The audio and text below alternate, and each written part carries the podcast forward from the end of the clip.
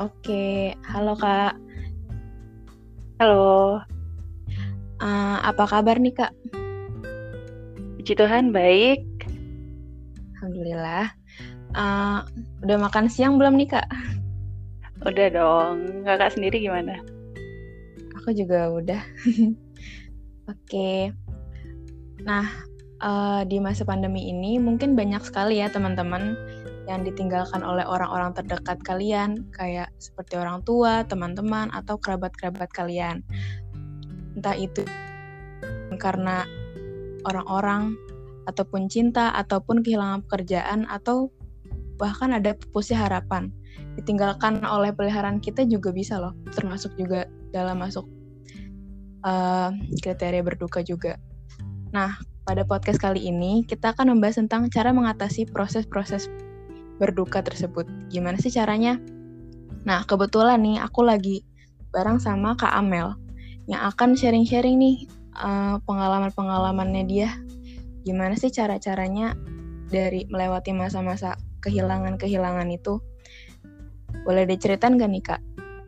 Awalnya gimana? Atau mungkin Ah, perkenalan dulu aja kali ya Kak? Oke, oke, boleh, boleh. Biar halo lebih kan. Ya, halo teman-teman Divija semua.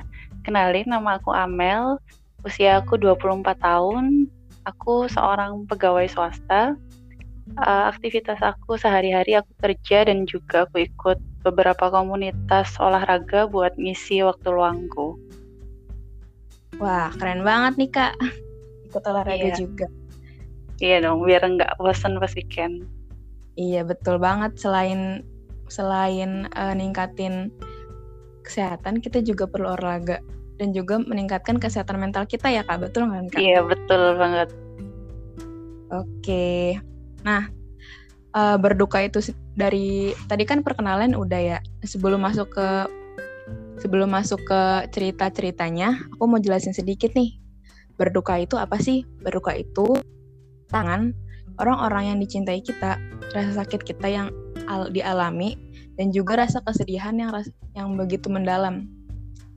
Nah, em, langsung mulai aja kali ya kayak kalau kakak sendiri ada nggak sih kan nih pengalaman-pengalaman pengalaman-pengalaman kesedihan atau berduka atau ketinggal atau ditinggalkan lainnya? Eh, ada nih kak. Jadi eh, aku punya beberapa pengalaman yang menurut aku merasa yang aku rasakan tuh jadi meninggalkan duka mendalam untuk aku. Yang pertama itu pada saat aku tahu ayah aku selingkuh, itu bagi aku juga merupakan duka buat aku karena aku jadi kehilangan sosok figur ayah. Di mana aku tahu itu pada saat aku SD. Bagi gadis SD untuk tahu hal itu pasti bukan hal yang mudah kan nggak Iya betul. Selain itu baru-baru ini eh, aku juga merasakan duka di mana calon mama mertua aku meninggal karena covid. Di mana aku udah sayang banget sama beliau meskipun kita masih belum ada ikatan keluarga tapi itu juga termasuk memberikan eh, duka buat aku. Hmm. Em, kalau kalau boleh cerita waktu itu apa sih kak yang kakak rasain pada saat ditinggalkan oleh ayah ataupun dari calon mertua kakak saat itu? Eh, yang aku rasakan jelas pasti sedih ya. Sedih hancur terpuruk. Kayak aku ngerasa apa aku masih bisa ngelanjutin kehidupanku lagi?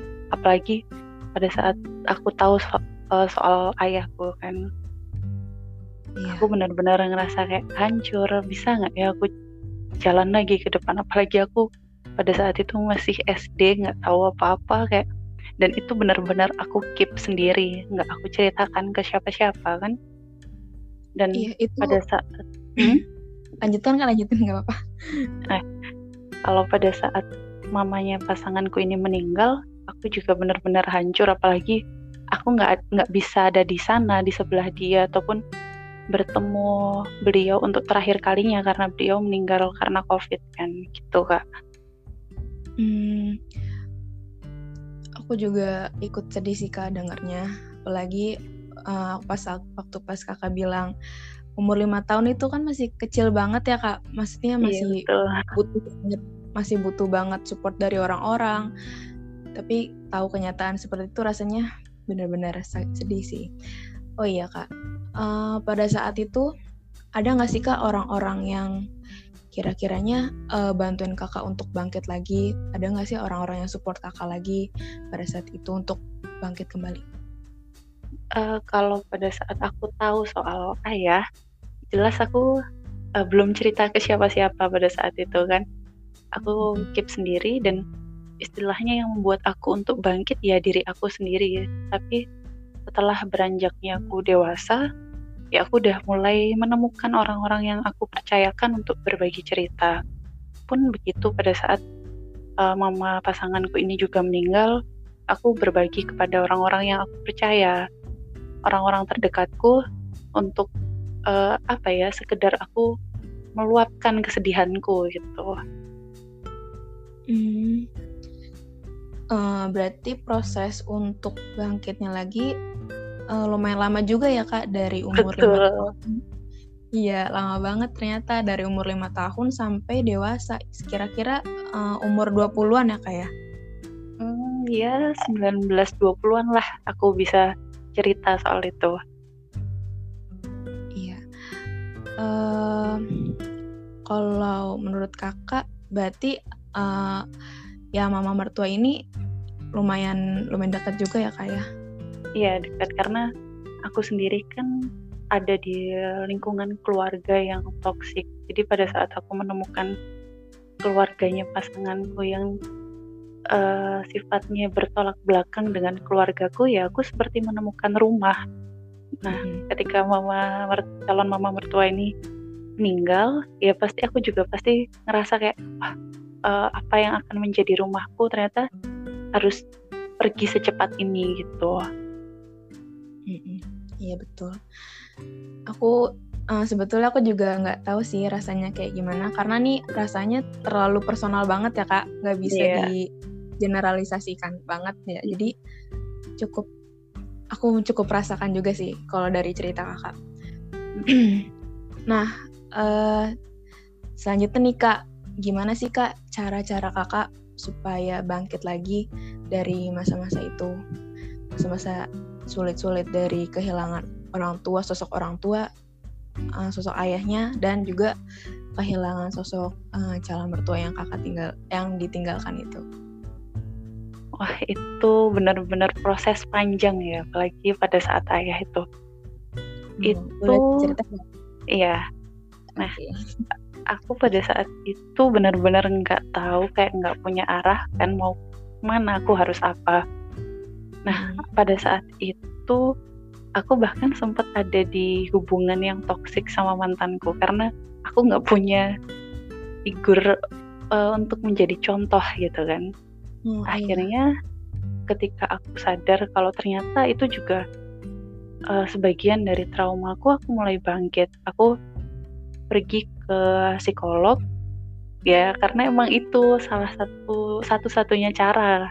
Karena nggak mungkin kan aku cuman curhat ke teman akhirnya masalah itu bisa selesai. Akhirnya aku menemukan profesional di situ aku disarankan untuk uh, dengan caranya mereka akhirnya aku pelan-pelan mulai bangkit. Nah di situ ya pasti suatu saat sedih itu pasti tetap muncul tapi gimana caranya aku untuk mengelola emosi itu dan gimana aku untuk bangkit itu. Jadi aku biasanya journaling. Karena kalau aku sedih kan nggak mungkin ya temanku atau siapa kerabat dekatku itu akan selalu ada untuk mendengarkan ceritaku kan kak? Iya betul. Nah jadi aku memilih cara itu journaling. Jadi ya aku melampiaskan sedihku dengan cara aku menulis dan itu cukup melegakan buat aku sih kak hmm. itu uh, salah satu tipsnya ya kak ya. Mm-mm. Oh iya, hmm. sama satu lagi kayak apa ya? Karena kalau kita ngerasa terus-terusan sedih ataupun terpuruk, kayak kita akan terus ada di situ dan nggak bisa ngelihat di sekeliling kita yang positif kan kak. Jadi kayak akhirnya kita nggak uh, bisa ngejalanin hal-hal baik di depan sana gitu. Karena hmm. terlalu fokus dengan rasa sedih itu. Iya betul. Kalau bener kata kakak sih kalau misalnya terlalu banyak sedih kapan kita mau majunya gitu kalau misalnya menghabiskan waktu untuk sedih. Bagus banget nih kak. Aku jadi ada informasi baru dari yeah. kakak gimana caranya. Nah uh, kalau misalnya dari uh, kan yang baru-baru ini apa kakak pakai journaling juga atau ada cara baru nggak kak? Uh, sama masih tetap journaling, tapi aku sekarang udah mulai ini belajar untuk meditasi. Hmm. Karena dengan meditasi tuh aku juga akhirnya bisa benar-benar mengelola emosiku kan. Kayak gimana aku iya. udah mulai mengatur nafasku, mengatur pikiranku, biar nggak terlalu ada merasakan di kesedihan itu. Tapi sesekali pasti aku tetap merasa sedih apalagi kalau waktu keinget gitu kan. Cuman iya. ya sedih itu nggak bisa aku tolak tapi tetap aku rasakan dengan waktu secukupnya lah istilah ya. Iya. secukupnya untuk bersedih. Diterima aja gitu ya kak perasaan iya betul. Nah uh, pas banget nih. Jadi uh, ada lima tahap berduka. Itu menurut menurut teorinya si uh, aku agak lupa nih. Uh, dari teorinya Kobler Kobler dan Ross. Jadi uh, lima tahap berduka ini yang pertama itu ada denial yaitu penyangkalan. Biasanya orang-orang yang baru ditinggalkan itu mereka sulit untuk percaya nih wah ini bener gak ya kok tiba-tiba banget karena kok bener gaya nih sulit untuk percaya gitu kayak menolak iya, betul kenyataan-kenyataan itu ya kak. Terus iya, ada awalnya juga gitu. Iya, kakak juga merasakan ya? Iya ya sama kok. Awal-awal juga kayak gitu kok. Lanjut kak. Oh iya, yang yang kedua ada anger atau marah. Biasanya kalau setelah dari denial penolakan itu uh, perasaan emosi-emosi yang pertama keluar justru adalah marah karena uh, kayak kok ini bisa ya? Kok ini kejadian sih sama aku? Kok tega banget ya sama aku? gitu. Yang yang sekiranya tuh bikin mereka tuh jadi kelihatan marah eh, justru emosi itu yang pertama kali muncul. Terus juga uh, selain rasa marah juga ada ada rasa takut takut uh, gimana nanti nantinya gitu. Terus selanjutnya ada bergaining yaitu tawar menawar nah uh, setelah melewati tahap-tahapnya itu biasanya orang-orang yang setelah kehilangan itu bakal ada rasa tawar menawar nih. Kayak um, harusnya tuh harusnya tuh gue nggak kayak gini loh. Harusnya tuh masih bisa masih bisa ngelakuin hal ini. Atau bisa juga kayak uh, ya Tuhan kalau misalnya aku kayak gini aku janji deh nggak akan kayak gini lagi akan lebih baik lagi hmm. ya Tuhan kalau misalnya kalau misalnya kamu bisa sembuhin dia aku janji dia akan lebih baik lagi biasanya hmm. uh, ada pikiran-pikiran yang gak rasional yang biasa muncul kayak taruh menawar sama yang gak rasional gitu. Iya. Selanjutnya ada depresi nih. Nah biasanya kehilangan kalau setelah kehilangan ini sering banget yang dialami oleh orang-orang tahap selanjutnya ada depresi. Depresi itu uh, perasaan sedih, perasaan sedih yang kembali kembali terjadi setelah mereka uh, tahu nih kalau misalnya penawaran-penawaran tadi nggak bisa jadi kenyataan. Jadi sedih-sedih itu balik lagi justru malah lebih banyak yang bikin uh, seseorang setelah mengalami hal duka tersebut jadi nggak bisa melakukan apa-apa jadi lebih banyak uh, murung atau uh, diam-diam gitu. Kakak juga gitu nggak sih kalau waktu pas awal masih tahap-tahap uh, proses penerimaan itu? Iya, pas awal-awal juga gitu sih. Pasti tetap ada ngerasa murung. Kayak maunya sendiri ya jadi kamar untuk ngerasain kesedihanku itu. Hmm, iya betul. Murung juga ya rasanya juga kayak gitu. Iya, kayak males diganggu gitu. Udah biarin dulu aku sendiri. Iya, butuh waktu untuk sendiri juga ya. Iya, betul. Nah, terus yang terakhir nih, yang terakhir adalah tahap acceptance atau penerimaan. Yang di mana tuh uh, kesedihan-kesedihannya itu masih ada, tapi kita masih bisa menerima kenyataan-kenyataan itu, menerima menerima menerima emosi-emosi yang udah terjadi gitu. Kakak keren banget sih kak kalau udah sampai tahap acceptance ini. Iya harus dong, karena kan mau sampai kapan kan kita terpuruk sama kesedihan itu. Iya betul banget. Hmm, kira-kira uh, ada kata-kata yang ada kata-kata untuk sobat Divija nggak sih supaya mereka yang kira-kiranya masih merasa merasakan hal-hal kehilangan atau berduka atau kesedihan lainnya jadi lebih semangat lagi nih untuk uh, bangkit dari kesedihan itu. Hmm, apa ya uh, untuk teman-teman Divija kalau kalian masih ngerasa sedih ataupun luka karena masa lalu kalian atau masa duka, ya masa duka atau masa lalu kalian tuh bukan sesuatu yang untuk kalian tangisi atau sesali terus-menerus gitu. Sedih boleh, uh, rasain aja sedih itu, tapi